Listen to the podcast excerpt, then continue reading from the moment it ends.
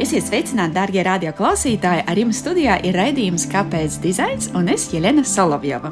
Paturpinot pagājušās nedēļas starptautiskās sieviešu dienas tēmu, šodien raidījumā pieskarsimies jautājumam par dzimumu un dizainu. Ja precīzāk, tad tam, cik lielā mērā pasaule, kurā dzīvojam, ir vai nav dizainēta sievietei. Ar mani studijā šodien kopā ir Maija Krastiņa, iniciatīvas Sievietei paveicās aizsācēja. Sievietei paveicās ir vērojumu kopums par sievietes lomas atspoguļojumu sabiedrībā, politikā, publiskajās diskusijās, reklāmā un citviet. Čau, Maija, un droši papildini mani par to, kas ir sievietei paveicās. Sveiki! Nē, nu ļoti labs raksturojums. Tur lielākā daļa arī ir pateikta, bet, nu jā, tas aizsākās kā tāds draudzeņu domu un dusmu apmaiņas stāsts, kurā mēs vienkārši apmainījāmies ar reklāmām un tur sižetiem un klipiem, kur var redzēt, ka sieviete vai nu tiek eh, stereotipizēta vai netiek ņemta vērā. Pamazām jā, tas pārauga šajos sociālo mediju tīklos par tādu arī nu, nopietnāku diskusiju. Mēs rīkojam arī pīkets, iesniedzām dažādas vēstules, kas arī rezultējās ar skaidrojošiem elementiem, piemēram, no mēdīju ombudu un tā. Tā pamazām mēs esam auguši par tādu, nu, varbūt, jā, kā saka, šīs diskusijas nopietnāku turpinātāju. Tas saturs kopumā ir eh, pašu sieviešu iesūtīts, jo es nemaz tik daudz tur nepublicēju. Lielāko daļu iesūtīs nav pašas nu, sekotājas, citas sievietes. Un, eh, nu, teiksim, tā divu, trīs draudzeņu ieķiķināšanas par šo tēmu, tas ir pāraudzis tādā, nu, jau kolektīvā, kā es saku, cepienā par šo tēmu. Paldies, Maika, padalies. Un, kā jau tu zini, šodien mēs runāsim par novērojumiem, kas ir saistīti ar dizainu. Jo tā arī ir tēma, kas tev interesē un par ko tev ir viedoklis. Jā un pievērsīsimies tam, kāda ir sievietes kā lietotājas loma dizainā. Maija, vispirms vispārīgs jautājums, vai tavuprāt šī pasaule, kurā mēs dzīvojam, ir vai nav dizainēta arī sievietei? Bija laiks, kad man šķita, ka viss jau ir tīri labi. Un tad viena doma biedre man reiz pateica, ka visam jau ir sievietes un tas feministiskais aspekts, ka tu viņu var atrast katrā dzīves jomā, un draudzenīt, nu, šitas ir iespējams ir mazliet pārspīlēts. Un tagad gadiem ejot, es sapratu, ko īsti viņa tajā brīdī domāja. Iespējams, ka viņai jau tad bija bijuši bērni, un, un iespējams, ka viņa vairāk saskārsies ar kaut kādu tālāku dzīves pieredzi. Viņa iespējams redzēja vairāk, un tagad, laika ejot, es arvien vairāk to redzu. Un pavisam tāds svaigs piemērs ir brauciens no Liepājas uz Rīgu, kurš ilga, ja nemaldos, trīs pusstundas, foršs autobuss, foršs šoferis bet autobusā nav tolete un ir tikai viena pietura, ja nemaldos saldū, kur nu, knapi tur sanāca 4-5 minūtes, un viņa ir nu vairāk tomēr veltīta pīpētājiem. Ir skaidrs, ja autobusā vairākums ir sieviešu, nu tad viņas uz toleti nepaspēja. Un tas jautājums tomēr ir diezgan svarīgs. It kā jau, nu, kurš nav dzirdējis to frāzi, nu, vai tu, tu nevari paciesties? Bet uh, mums ir jāpieņem, ka ir vesela kaudze sievietes, kuras ir dzemdējušas, un šis dzemdību process arī, nu, diemžēl, ļoti traumē sievietes ķermeni. Un tā rezultātā arī sievietes nu, nevar tiešām turēt tik ilgi. Ja? No vienas puses mēs pieprasām no sievietes šo, nu, ne, nepieprasām, bet nu, tā ir tā viņas lielā loma un misija. Un, bet, ka tikko kā ir jātiek galā ar tām sekām, vai kaut kādā veidā viņai jāpalīdz, vienkārši jāpieņem tas, ka tās ir tās sekas, nu, tad tur ir pilnīgi tukšs caurums. Un tas ir skaidrs, ka tur to procesu nav nav domājis sieviete, tur tikai izdomājis kungs. Maija, kā jau es tev solīju, ik pa laikam papildināšu tevi ar savu statistiku, Jā. un šī saistībā man arī ir sagatavoti daži fakti, kas vēl mums ir jāņem vērā, ka sievietes arī biežāk apmeklē labierīcības kopā ar bērniem, kas attiecīgi prasa laiku, un kas attiecās arī uz to, ko tu minēji, apmēram vispār, ja tā globāli skatās, apmēram puse pasaules sieviešu ir reproduktīvā vecumā. Tas nozīmē, ka no 20 līdz apmēram 25% viņām konkrētajā brīdī ir iespējams arī mēnešu reizes ko mēs arī attiecīgi ignorējam, kas liek uzkavēties toaletē ilgāk un apmeklēt to biežāk. Un Pie statistikas atgriežoties, rezultātā sievietes rindā uz stūlīti vidēji aizvada 6 minūtes, savukārt vīrietim tas prasa tikai 11 sekundes. Manuprāt, ir būtiska atšķirība. Nu, ir būtiska atšķirība, jā, un tieši arī tas, kā saka, nu, viņš ceļo arī ar bērniem. Bērniem jau vispār tā, nu, nu viņš neturēs. Nu, kāds ir tas process paredzēts ja, tajā autobusā? Es gudīgi jau nesaprotu, ja, tajā brīdī es esmu laimīga, man nav jāceļo ar mazu bērnu. Un, ja es nemaldos, tad tā statistika arī ir tieši tāda, ka sievietes vairāk ir tās, kuras lieto sabiedrisko transportu dažādās dzīves posmos un dažādos vecumos, un tāpēc vēl jau neizprotamāk ir tās pauzes trūkums. Nu, protams, jau skaidrs, ka negribās tur tērēt laiku un zaudēt ceļā, un ka tas viss maksā naudu, bet tas ir viens pilnīgi neskaidrs elements, kā var neiekļaut šo toleci un bērnu pauzi. Es esmu dzīvojis kādu brīdi Zviedrijā, un tur ir šīs dzimuma neitrālās toaletes. Nav nevienam jāstāv rindā ilgāku laiku vai mazāku laiku. Nu, protams, ka ir valsts, kuram tas šķiet pilnīgi nepieņemami, bet kad uh, šī situācija izveidojas, ka rinda ir 20 pie vienām durvīm un 0 pie otrām, es vienkārši pieklauvēju, uzbļauju skaļu un eju iekšā, jo nu, galu galā jā, nu, Kas gan tur jauns? Jā, un šeit arī par datiem runājot par dzimumu neitrālām tolotēm pētījumi liecina, ka, ja tā būtu izplatīta prakse, tad sievietei gaidīšanas laiks rindā sarakt līdz 1 minūtē 27 sekundēm, un vīrietim līdz 58 sekundēm attiecīgi palielinātos no tām 11 sekundēm, bet nu, tas būtu kompromiss. Tas būtu kompromiss, un tas būtu arī godīgāk, jo nu, tagad sanāk tā, nu, ņemsim to autobusu, ja tas autobus piebrauc autoostā vai stacijā. Kāpēc ir tā, ka tas sievietēm ir jārada tas spēks? Spiediens vai jābūt tam lūdzējām, nu, ļaujiet mums pačurāt, ja? Nu, nē. Visiem tad ir jābūt vienādās pozīcijās, visi stāvam vienā rindā un pieņemam, visiem tā fizioloģiskā funkcija ir nepieciešama. Jā, paturpinot eh, vēl citu piemēru uzskaitījumu, zini, ka tev ir viedoklis arī par pilsētvidi, varbūt gribi padalīties. Ko tu saskati kā varbūt nepietiekami labi dizainēta tur sievietēm? Klasiskais piemērs jau ir tie tuneļi un uh, viss tā telpa, kur ir jārāpjas ar kādu vai bez kāda rokās, vai ar štociņu rokās, vai ar bērnu rokās, vai ar ratiņiem rokās. Viņiem ir kā tās sliedas tur ir salikts ja, bet kāda tā pieredze arī ir, pa to sliedi īstenībā var vairāk nomaukties lejā nekā sasniegt uh, dzīvību saglabājošu rezultātu. Tuneļi, tā ir tiešām liekas, tāda pilnīga klasika, kur nav padomāts. Tuneļi arī vakaros, nakts laikā, pilnīgi skaidrs, ka viena sieviete nekad neies tunelī nu, nakts laikā. Apgaismojums, man liekas, bija šogad īpaši aktuāla problēma, kad tika paziņots, ka tiks samazināts apgaismojums. Uzreiz pirmā doma bija ārprāts. Kas notiks?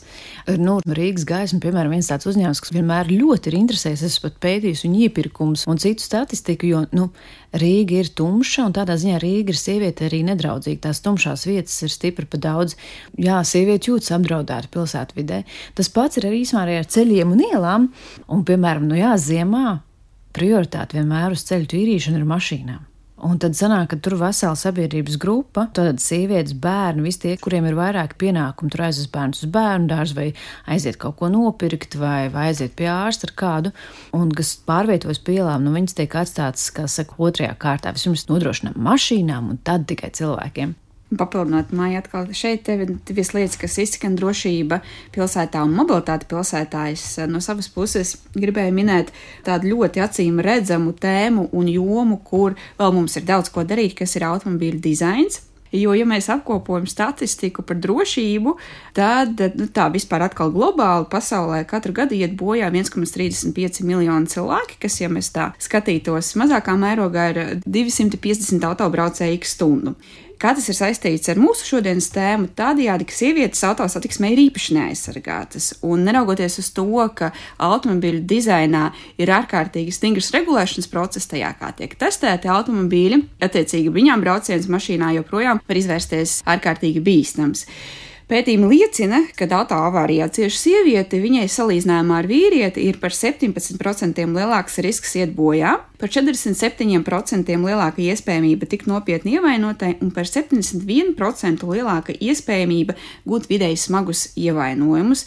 Un iemesls, kāpēc mēs esam tur, kur mēs esam, jo vēsturiski, un joprojām tas tā ir, autotriecienu testu subjekts primāri vienmēr ir bijis vīrietis - 1,77, 76 kg vidēji statistiskais vīrietis. Un uh, Eiropas Savienības likumdošana, piemēram, paredz, ka joprojām tikai piektā daļa no automobīļu testa jāveic ar sievietes manekenu, kur ir nākamā problēma, jo manekens pēc būtības, kas ir sievietes manekens, ir izstrādāts pēc vīriešu principa, samazinot parametrus un tāds, kas nu, tā ļoti detalizēti atainot sievietes ķermeni, vēl patiesībā tikai izstrādes procesā. Neticam, vai ne? Mm -hmm. 2023. Ne? gads, un tas vēl joprojām ir izstrādes procesā. Jā, ap 2030. to varētu būt pabeigta izstrāde. Fantastiski, jā. Nu, es arī nesen braucu tādā pavacēkā automašīnā, un es esmu 1,58 m man drošības siksna īstenībā gāja pār kaklu.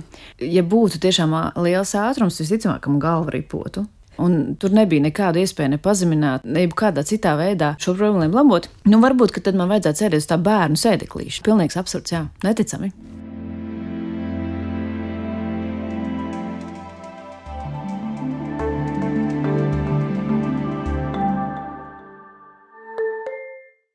Runāju par ielām un ielu netīrīšanu. Tur arī bija statistika tieši tāda, ka sievietes, protams, arī vairāk uz tām ielām krīt. Un mums jau Latvijā ir cipari tādi, ka sievietes jau nu, dzīvo stipri ilgāk nekā kungi. Ja? Kaut vai tā iemesla dēļ sieviešu, un īpaši senioru uz ielām ir vairāk. Viņas arī nav bagātas, pārvietojas sabiedrisko transportu, un iespējams arī daudz krīt. Jo ielas ir netīrītas. Tur ir tā prioritizēšana, ka mēs prioritizējam mašīnas un nevis cilvēkus uz ielām, Tur visvairāk tiešām cieši eh, sievietes. Un otrs tāds elements, kas pilsētvidē ļoti iztrūkst, ir soliņi. To seniorus, eh, viņi tiešām saka, ka vēl tas gājiens uz veikalu, nu pats par sevi vēl būtu pievārējams, ja? bet pa ceļam, ja nav soliņus, kur atpūsties, tad viņai tas kļūst par neiespējamu ceļojumu, jo aiziet uz veikalu, iepirkties un atnākt ar somām vai ratiņiem atpakaļ, tas ir ļoti iespaidīgs ceļojums tas fakts, ka vairs nekur nav soliņa arī tirsniecības centros, tas ir uh, liels dizaina fail, jo mēs nesaprotam to, ka mums tā sabiedrība tiešām noveco. Tā ir tāda problēma, par kuru mums būs jāsāk domāt, mm -hmm. jo mhm. sabiedrība tiešām noveco, un mēs nekādi nelabosim to faktu, ka sievietes seniors mums būs stipri vairāk nekā kungi. Īpaši, ja nabaga kungi turpinās tik ļoti pārvietoties ar mašīnām un paliks sliktākā fiziskā formā, kamēr kundzes skraidīs apkārt un paliks eh, labākā formā, nu tad, eh, jā, mums vajag arī soliņus. Arī soliņi ir daļa no tā, kas kalpo daudz vairāk sieviešu populācijai šobrīd. Un to pašu īstenībā var teikt arī pilnīgs it kā nieks, bet ļoti, ļoti svarīgs elements laukumiņu. Mazliet citā sakrā es nesen eh, ļoti dusmojos par vienu rotaļu laukumiņu, kurš pazuda imantā sanāca tāda nelāga situācija, ka tika nojaukts. Nesens eh, roti laukumiņš, bet kurš atradās vietā, kur viņš vienmēr bijis nu, jau kopš padomju laikiem. Rotaļu laukumiņš jau pats par sevi ir viena lieta, tas, ka tur bērni spēlējas, bet viņš jau ir kopienas vieta, kur sanāk kopā eh, mammas, tur veidojas tādas savas draudzības fórumi, arī seniori tur piesēž un tur veidojas tās apkaimes tā kā tāds centriņš. Un tas, ka mums nav šo laukumiņu, vai ka viņi ir pilnībā izzuduši, un īpaši no tiem mikrorajoniem, kas izskatās jau tā bēdīgi, ja, bet kad izzūd vēl tā mikrorajona, tā mazā sirsniņa, kur cilvēki varēja sapulcēties, kur varēja apsēsties eh, un kur varēja visbiežāk jau, nu, šobrīd vēl joprojām tās ir sievietes, ja, kas rūpējas par bērniem, vai viņas uz laukumiņu vai turpat sēž. Tas ir tāds arī vēl viens elements, kurš vienkārši netiek ņemts vērā arī no pilnīgi no cita aspekta. Pirms kāda laika mēs ar tevi maiju tikāmies un runājām par citu tev tuvu tēmu, par tavu hobiju, par atkritumiem, un tu tajā sarunā arī komentējot mikrorajonu, vidi komentēji arī atkritumu urnu dizainu, runājot par staltiem spēcīgajiem vīriešiem, kuriem šis dizains ļoti parocīgs un dāmām mazāk. Pilnīgi skaidrs, ka viņi pasūtīs kungs labākajos gados, jo tas vāks ir tik smags, ka neviens mazāk spēcīgs cilvēks īsti viņu nevar pacelt. No, es, piemēram, varu pacelt, bet uh, tikko kā cilvēks kļūst trauslāks vai viņš ir mazāks augumā, mēs nevaram aizsūtīt arī bērnus izmest miskas. Nu, kurš tu sūtīs bērnu mest miskas? Ja tā miskas viņam ir pāri galvai vai tieši deguna augstumā. Bet jā, mikrorajonā tā ir problēma, jo kundzes, mēs atkal par kundzēm runājam, bet visbiežāk nu, tādi seniori atstāja šo savus atkritumu maisiņus pie atkrituma urnas, jo viņi nevar vienkārši pacelt vāku. Sētnieki ir izdomājuši, ka viņi tad atstās vienu vāku vaļā, bet nu, kājas atkal iznēsā un vējš iznēsāja. Un šī it kā problēma, kad nav padomāts par to lietotāju pieredzi, par dažādiem lietotājiem, un īpaši tiem lietotājiem, kur varbūt nav tik stalti un spēcīgi, tā ir kļūst par pilsētu vidas un vidas problēmu. Jā. Kāpēc dizains?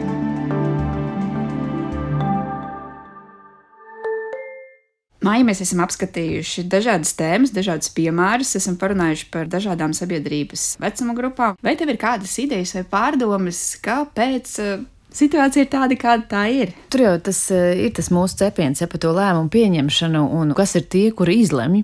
Un tad mēs atgriežamies pie diskusiju paneļiem, ne, ar kuriem mēs sākām? Pie diskusiju paneļiem un arī vadību dažādās jomās un dažādību atsevišķu nozaru un jomu. Nu jā, kolektīvos. Mums bieži saka, nu, ko tu jūs sievietes nenāk, ka tur strādā uz transporta jomu un pilsētu vidi. Un... Nē, nu, protams, ka ir jānāk strādāt. Jo tad mums nebūs šādi dizaina feili. Ir jāiet strādāt un arī jābūt lēmumu pieņēmējām. Tas jau nav tikai par lēmumu pieņemšanu, ir jāsaprot, ka tajā viedokļu dažādībā tur jau arī atklājas tās vajadzības, sēžot pie viena galda un arī pieņemot lēmumus. Vai atkal ir statistika, ja tu tikko pieminēji transporta jomu un, piemēram, pašbraucošu automobīļu jomā 2016. gadā, kāds laiks rēķīt atpakaļ, bet es nedomāju, ka kaut kas ir ļoti mainījies. 68,4% 5,4% nodarbināto bija vīrieši, 5,4% sievietes. Un tā ir joma vispār par tehnoloģijām runājot, kas ļoti stiprina sabiedrībā eksistējošus jebkādus stereotipus, tāpēc, ka tikko ir iesaistīta mašīna mācīšanās vai mākslīgais intelekts, ir ārkārtīgi svarīgi diversificēt auditoriju, ar kuru mēs testējam, izmantot notiecīgi iespējami dažādus šos izējas datus. Jā, jo ja mākslīgais intelekts iemācīsies, ka visam Jā. jābūt eh, nu, pēc vīrieša ģīmju un līdzības pusoli lielākā dimbā. Jā, vai piemēram balss atkal statistika, nu kaut vai balss atpazīšanas programmatūra, kur arī pētījumi liecina,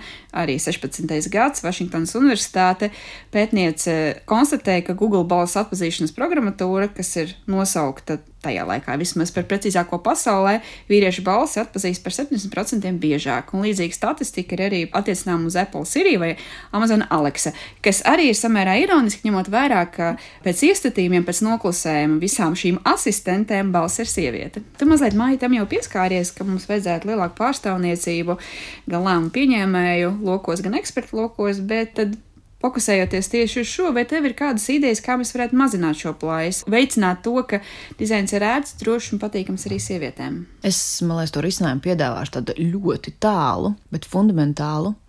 Man liekas, ka tas īstenībā sākas jau skolā. Skolas solā sēžot.